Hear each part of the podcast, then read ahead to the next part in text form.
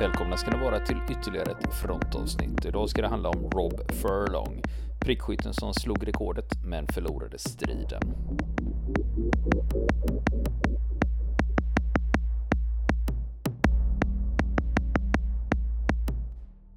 Ja då Niklas, vi snackar om kanadensiska prickskyttar som var i Afghanistan. Ja, och det var ju ingen spikrak väg riktigt. Nej, det var just det att de hade gjort jäkligt bra ifrån sig på Operation Anaconda. Eh, men sen hade de varit iväg på en annan operation och det var där efter det de här anklagelserna dök upp. Och det var mot en av prickskyttarna som hette Aaron Perry. Eh, det är ju fem kanadensiska prickskyttar där handlar om. Det är McMeekin, Ragsdale, Perry, Furlong och Eason. Och Ragsdale var ju han som hade varit eh, gruppchef och han hade blivit degraderad och förlorat sitt befäl där. Och sen hade vi ju Rob Furlong då, det var han som stoltserade med rekordet då i långdistansskytte där. Och det senaste som har hänt nu det är att den första utredningen är ju klar och de frias och då kommer amerikanska ambassadören eh, de är ju kanadensare så då får de till slut sina bronsmedaljer då. Men eh, det som har hänt här att de har ju liksom tappat sugen för det här med militärlivet och att göra karriär i kanadensiska armén. De tycker de har blivit väldigt illa behandlade. Så flera av dem är på väg ut. Men samtidigt så även om utredarna här inte kunnat bevisa någonting. Eh, och frågan var ju, hade någon verkligen överhuvudtaget huggit av ett finger? Eller varför har hela den här anklagelsen eh, dragit igång överhuvudtaget? Var det en vedergällning för Aaron Perrys beteende? Var det en fråga om avundsjuka? Eller är det hans stora käft och envishet som har dragit med sig alla i fallet för att någon ville sätta dit honom? Och en av dem som ville ha svar på det här det var Ragsdale, gruppchefens pappa. Han, heter, han heter Pat Ragsdale, pappan där. Han beskriver det som att efter att hans son kom hem så såg han sin son genomlida en otänkbar depression och han ville veta varför. Så i flera månader så skrev han brev efter brev till regeringstjänstemän och han skrev från premiärministern till högt uppsatta generaler. Och han har sagt till en reporter att han var inte nöjd med den behandlingen de fick i Afghanistan eller den behandlingen de fick efter Afghanistan. Och det dröjer ända fram till eh, september 2004. Då fick pappan här, Pat Ragsdale, äntligen ett svar och då var det general Ray Heno. Han var chef för försvarsstaben och han ville att deras ombudsman skulle inleda en egen undersökning kring det här. Och ombudsman det är ju faktiskt ett av våra svenska exportord. Det. det. heter ju ombudsman i engelskspråkiga länder också. Mm det som händer här nu att uppdraget som han får då ombudsmannen det är att när militärpolisen NIS hade utrett det här då fokuserade de på fingrar och skyltar utan det som ombudsmannen ska titta på det har hur har prickskyttarna behandlats? Har de blivit rättvist och korrekt behandlade? Eh, det ska alltså summeras som att de här männen som hyllades och hjältar som amerikanerna men behandlades som brottslingar i Kanada. Och förtjänade de här männen bättre egentligen? Sen eh, händer det något annat då i samband med de här nyheterna om den här utredningen som ska göras av ombudsmannen. Då händer en annan grej då. Va? Och då var det på webbplatser. Då börjar möpare och bloggare att identifiera Perry som den kanadensiske krypskytt som dödat en man på 2430 meters avstånd. Eh, och det, i och med att de inte hade pratat så mycket om det här eh, prickskyttarna själva så är det ju någon, någonstans kommer ju den här uppgiften ifrån och de pekar ut fel skytt. Va? Det verkar som att någon har liksom velat hylla den här gruppen och liksom tycker de har farit väldigt illa och vill liksom återupprätta deras rykte och då har de då felaktigt pekat ut Perry då. Eh, och eh, det blir ju eh, mytbildning kring det här då. Va? Eh, bland annat var det en amerikansk eh, nätanvändare som hade skrivit att jag hoppas att rekordet står sig för evigt.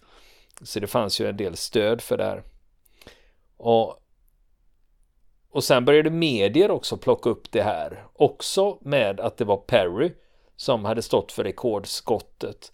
Men Rob Furlong som faktiskt hade skjutit, han hade ju valt att vara anonym och inte prata om det här överhuvudtaget. Så det här felet blev inte korrigerat utan i media så var det Aaron Perry som tillskrevs det här då.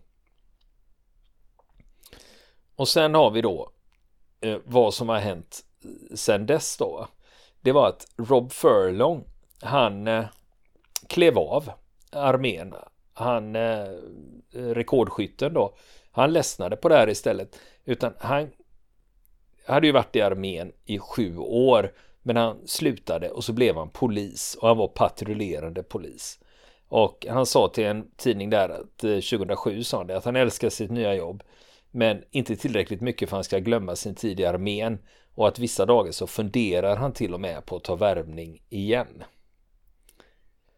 Eh, och eh, det gjorde han ju inte utan han fortsatte ju att leva ett liv där i, i som polis då och var relativt eh, anonym. Och samma sak också när det kom sådana här eh, frågor då om det här med prickskyttet i Afghanistan då, vem som var rekordhållare och så. Och då så säger han eh, när han blir intervjuad om det här sen då, då säger han att äh, det är fråga om tyst professionalism och det är vad vi alltid har fått lära oss. Men sen då under 2007 eh, då var det då har det ju gått ungefär fem år sedan Operation Anaconda när det där hände. Då gick Furlong med på att kliva fram och berätta sin historia. Och det var den kanadensiska tidningen McLean som letade upp honom. Det var inte att han kom till dem. Utan de rotade i det här och fick honom att prata då. Eh, och han säger så här i intervjun till den här tidningen att, eh, att jag ställer upp på det här, det är inte för att jag ska ta åt mig äran. Det är väldigt viktigt. Och bryr jag mig? Nej, det gör jag verkligen inte. Behöver jag rätta till det genom att säga att det var jag som tryckte på avtryckaren när skottet avlossades? Nej, det behöver jag inte. Hela den här prickskyttegruppen han tycker att det är den som borde tillskrivas rekordet och inte en enskild individ. Och han vill inte att det, egentligen att det ska nämnas några namn och det ska inte förknippas med någon berömmelse. För han säger att det kommer inte göra någon skillnad om det var Ragsdale som gjorde det eller Perry eller McMeekin eller Isen det spelar ingen roll vem som gjorde det. Den där killen dödades så han hade ingen möjlighet att döda någon annan och så var det med det. Så han bekräftar att det var han, även om han är direkt ovillig och liksom ta åt sig äran och liksom vill bli hyllad som hjälte då. I hela den här soppan liksom som har inträffat så är han ju fortfarande förbannad på militärpolisens utredningsenhet. Och inte mot Aaron Perry som i många fall då tillskrivits eh, det här rekordskottet eller det också finns en version då att det var Aaron Perrys personlighet som gjorde att de hamnade i den här soppan. Det som händer också i det här det är ju det här med Ragsdale då, den gamle gruppchefen. Han blir ju så förtvivlad och i sånt jävla dåligt skick av den här depressionen att eh, armén vill inte ha kvar honom. För han är totalt oduglig i det skicket han är nu. Så att han sparkades ut, eh, berättar Furlong. Och eh, han förklarar också i den här intervjun med tidningen McLean att så som militären är, och jag har sett det under de sju år jag var där, de bryr sig inte om vad du tillför eller hur mycket talang du har eller vad som helst. De kommer bara att hitta någon annan som ersätter dig. Det är ingen sentimentalitet där. Nej, absolut inte. Eh, och sen har vi det här med Aaron Perry då. Hur han eh, levde vidare sen då. Han hade, när tidningen var besökt av honom, tidningen McLeans, då eh, hade han sina militära dokument prydligt organiserade i en perm. Och där fanns allting med då. Eh, dels mentioned in dispatches, det är tidningsartiklar och där finns också disciplinrapporterna som har skrivits om honom genom åren. Som beskriver hans attitydproblem men eh, det är fortfarande det att i prickskyttevärlden så eh, åtnjuter Perry fortfarande beundran. Och problemet är att det snurrar ju runt så mycket rykten om honom initialt om det här. Så om man googlar så kan det fortfarande dyka upp att det är han som står bakom rekordskottet. Eh, och när han får frågan om det då säger han att jag vill inte prata om det där. Eh, det blev så rörigt att ju mindre man säger om det här, desto bättre. Men det finns också de som tror att, att han också på något sätt har uppskattat den här publiciteten kring hans namn. Att eh, det har eh, att det i alla fall har varit något positivt i det här. Att hans namn har dykt upp på lite webbsajter och i media då liksom. Han tycker själv att det här stämmer inte då, att han aldrig försökt att vilseleda någon, han har aldrig försökt att ta åt sig äran, utan att det är någon på internet som har blandat, blandat ihop det här. Och eh, han förklarar efteråt då 2007 i den här intervjun, då säger han att de, de, de hade helt fel de som spekulerar kring det här. Det är Rob som sköt det här fantastiska skottet och jag önskar att folk kunde förstå det. Hmm. Men eh, sen var det ju det med Perrys karriär, utan det var ju så att även om utredningen, när den slutade, då stannade Perry kvar i det militära. Men han utsattes fortfarande för eh, granskningar och hans befälhavare tillsatte en intern utredningskommitté för att undersöka hans karaktär. Eh, och bakom stängda dörrar så vittnade det ena vittnet efter det andra och Perry kallades för en översittare. Att han var respektlös och okontrollerbar. Och han, säger, han beskriver det själv som att de häller en droppe vatten på din panna hela tiden tills du bryter ihop. Det är så han beskriver de här utredningarna då. Och sen blir det då, han når sin brytpunkt och det är april 2005. Då är han 33 år gammal. Då väljer han att pensionera sig från, från tjänsten hos militären.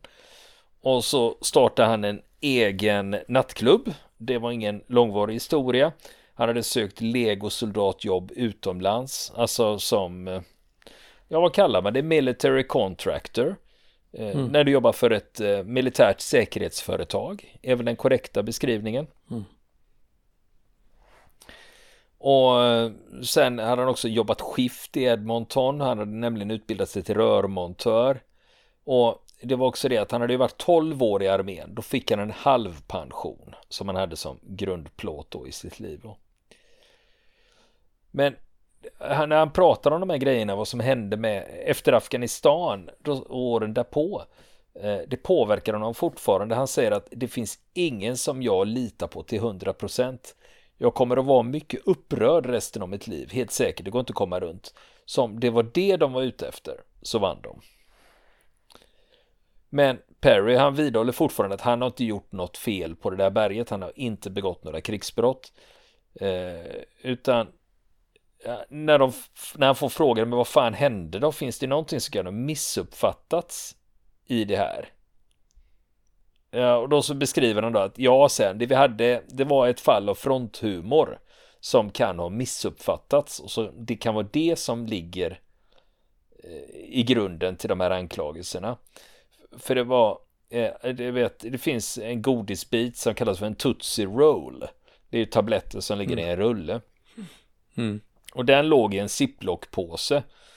Och eh, han slänger den till en annan soldat och säger det är ett finger från eh, en av kropparna som ligger där borta. Eh, och då ska det vara att en soldat som hörde det här trodde det var på riktigt. Att Perry hade huggit av fingret på ett lik och lagt det i en ziplock-påse.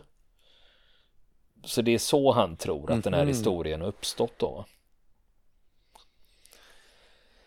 Och sen har vi det där med att han skulle satt cigaretten, en cigarett i munnen på ett lik och det där med skylten om fuck terrorism. Då säger han att eh, hundratals människor, inklusive poliser, gick förbi det där liket. Men ingen kände, hade något behov av att göra någonting åt det. Och den här skylten, han säger att jag vet med säkerhet att det, att det var inte jag som gjorde det. Och att så vitt jag vet så var det ingen från det kanadensiska prickskytteförbandet som hade gjort det heller. Mm.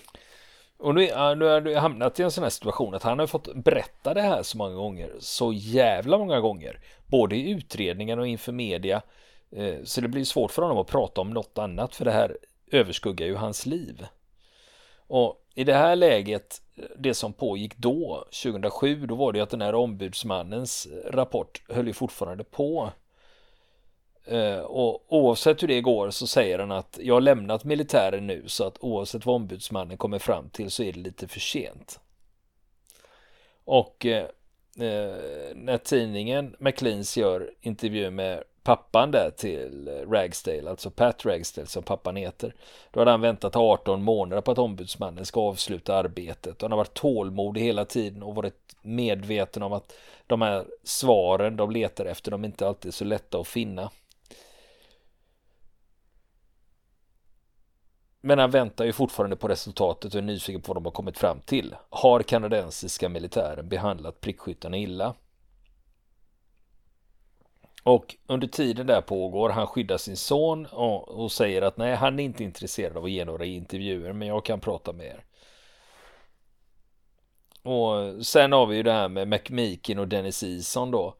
Eh, de, vid det här laget då när ombudsmannen gör sin rapport eh, då, eller gör sin utredning som ska bli rapporten då, då är det så att McMeekin och Ison de jobbade fortfarande i armén. Så att de vill inte bli intervjuade i samband med det här då. För det, de var rädda att det skulle kunna slå tillbaka. Det som överlag snurrade runt i luften vid den här tidpunkten det var ju det här med att oavsett vad ombudsmannen kommer fram till så kan det vara en det kan bli en våg av oönskad negativ publicitet för militären. För de var ju fortfarande engagerade i Afghanistan. Så de var rädda att det skulle påverka. Och det fanns folk som spekulerade kring det här att ja, oavsett vad de kommer fram till så är det väl antagligen så att militären kommer att bemöta det här genom att insistera på att saker och ting har förändrats, att man har dragit viktiga lärdomar sedan dess vid den här tidpunkten vid 2007 där då, då hade man 2300 soldater i Afghanistan från Kanadas sida bara. Och det kom ju hem kanadensiska, kanadensiska soldater i kister också så det fanns ju en politisk laddning i de här frågorna också. Mm. Och det finns också de som spekulerar kring det här med vad det var som försiggick här nu då. Att en gissning var då att eh, eh, det, problemet med Ragsdale och de här prickskyttarna, att de var där, det var väldigt, väldigt, väldigt tidigt i kriget. Så att kanadensarna var liksom inte vana vid att ha soldater i krig och var beredda på de frågorna som skulle kunna uppstå. Utan det finns de som tror att hade det här skett några år senare de här grejerna så hade ingen höjt på ögonbrynen utan det här kom ju lite som en käftsmäll liksom. Bägge de här grejerna, dels har vi fem prickskyttar som har skjutit ihjäl en jävla massa fiender under Operation Anaconda och dessutom satt världsrekord och en av dem är också anklagad för krigsbrott för att ha skurit fingret av en fiende och ritat en skylt där det står Fuck Terrorism och satt på ett lik. Så att det var, det var flera saker liksom som kom här i krigets början. Så när det kanadensiska folket, politikerna och militären hade blivit lite mer krigsvana då tror man att eh, det hade inte fått den uppståndelsen utan då hade det liksom drunknat i den övriga krigsrapporteringen. Men sen får ju då också eh, utredarna här i, i eh, militärpolisens utredningsenhet NIS, de får ju också komma till tal så här. Mark Giles som är talesman för dem, han säger att han är övertygad om att militärens polisstyrka agerade professionellt under sin utredning och att det fanns ingen vendetta mot någon enskild soldat och det fanns ingen agenda utan de gjorde förhör för att få fram sanningen och inte för att trakassera någon. Så oavsett var man drar gränsen, säger han, mellan vad som är grundligt och uttömmande i en utredning och vad som är överdrivet, att det är ganska subjektivt beroende på vem det är du har haft att göra med. Men han tycker då att de har gjort allting korrekt då. Mm. Och, och de amerikanska soldaterna som tjänstgjorde med de kanadensiska prickskyttarna, de är ju överens. Va? De säger så här att den här typen av människor som vi tjänstgjorde med det, de här kanadensiska prickskyttarna. De skulle vi vilja sätta upp på en pedestal och säga det här är det allra bästa som vi har att erbjuda. Eh, det är en amerikansk soldat som var med dem där som heter Justin Overbaugh. Och en annan amerikansk soldat som heter Corey Daniel, Den amerikan, han var ju med där och han marscherade genom bergen tillsammans med Perry och Ragsdale. Och han säger att de förtjänar mycket mer än så. Han säger att en kille går ut och sätter sitt liv på spel och vad händer sen? Han kommer hem och blir inte riktigt erkänd för det han gjorde och att det är svårt att acceptera. Och sen då i april 2007 då kommer då ombudsmannens rapport som ska svara på om prickskyttarna blivit orättvist behandlade av armén. Och utredaren säger att armén har handlat korrekt men kritiserar armén på två punkter. Nummer ett, armén har inte erbjudit soldaterna tillräckligt med stöd för att debriefa dem och hantera eventuell posttraumatisk stress. Och i det här handlar det också om att de inte varit tillräckligt tillmötesgående mot anhöriga till soldater, där de anhöriga kontaktat armén för att få hjälp med de här frågorna. Och det kan man ju också förstå att om det är ett nytt krig, att man inte har någon som helst beredskap för att kunna hantera de här frågorna, utan det är ju något som de flesta västerländska arméer som har haft soldater i Afghanistan, att det är ju något man har fått lära sig helt enkelt. Att det kommer att komma hem soldater och vissa av dem kan ha den här typen av problem. Och sen, det var ju två grejer som ombudsmannen anmärkte på. Dels var det här att man inte hade erbjudit soldaterna tillräckligt med stöd och nummer två, det var att armén hade varit på tok för seg att lämna ut dokument till utredningen. Så det var de två. Det var det som hände. Sen blev det inget mer liksom, utan där föll hela den här historien till golvet. Utan NIS-utredningen, polisutredningen, den hittar ingenting och ombudsmannen, han har två punkter av kritik då. Att man inte tar hand om sina soldater när de kommer hem och att armén är för jävla sega på att lämna ut dokument när vi utreder saker. Och sen blev det inte så mycket mer och, och då har vi fem karriärer här som kvaddade. Mm. Ja, precis. Och eh, då kan man ju fundera över vad det är som eh, hände sen då? Eh, jo, Graham Ragsdale, gruppchefen, han var ju nere i en rejäl svacka där. Det var hans pappa som inledde anmälningarna till ombudsmannen. Och Graham Ragsdale, han fick ju sluta i armén helt enkelt. Men han eh, tog upp det där igen för han, var, han blev military contractor, alltså jobbar för militära säkerhetsföretag. Eh, och han har varit i Nordafrika och Afghanistan och jobbat bland annat. Och sen har vi Aaron Perry. Eh, det har jag faktiskt inte lyckats hitta några spår av mer än att han lämnade armén 2005. Eh, sen har vi Dennis Eason. Han har avlidit. Han dog i april 2023. Eh, alltså i år. Det är ju november. Det är ju, det är ju december 2023 nu. Så han avled i april. Då var han 46 år gammal. Dödsorsaken är inte officiell. Den är inte känd. Men när familjen, de skrev en dödsruna i en lokal tidning och den har jag läst. Och i den så skriver de att eh, med formuleringen har hastigt lämnat oss. Och det brukar ofta vara, jag säger inte att det är så, men det är ganska ofta en omskrivning för självmord. Så att eh, det får andra, det, har, det finns sådana spekulationer, eh, det vet jag, men jag vet inte om det är sant eller inte. Mm. Och sen har vi rekordskytten då. Rob Furlong. Vad hände med honom då? Jo, som jag nämnde där, 2007 så har han ju blivit polis. Men hur gick det med den karriären då? Nej, han avskedades faktiskt från polisen 2013 och det berodde på att han hade kissat på en kollega efter en fyllefest 2011. Okej. Okay. ja, och, så det var den här. Eh, nu är det så här att eh, han hade kissat på en kollega på fyllan i samband med något jävla fylleslag. Och det tog nästan två år att utreda det här. Eh, så, för det skedde 2011 och sen fick han sparken 2013 då. Men under tiden där, 2012, då passar han på att starta upp någonting. Han startar 2012 upp Rob Furlongs Marksmanship Academy. Och det, den är fortfarande aktiv. Så den går att hitta på nätet. Han har en skjutbana med anställd personal och det är inte bara kurser i prickskytt utan även automatkarbiner, pistoler och hagelgevär. Och eh, om det är eh, lyssnare då som vill att det är klart vi ska åka över till Rob Furlongs skjutbana och skjuta lite prickskyttegevär med honom så kan ni ju swisha oss 60 000 så åker vi självklart dit, panga lite och så snackar vi lite med Rob Furlong. ja, eller hur? Precis, hur svårt kan det vara? ja, visst. Ja, nej men det är väl också lite problematiskt där med sådana herrar som Rob Furlong som har haft den professionen de har haft.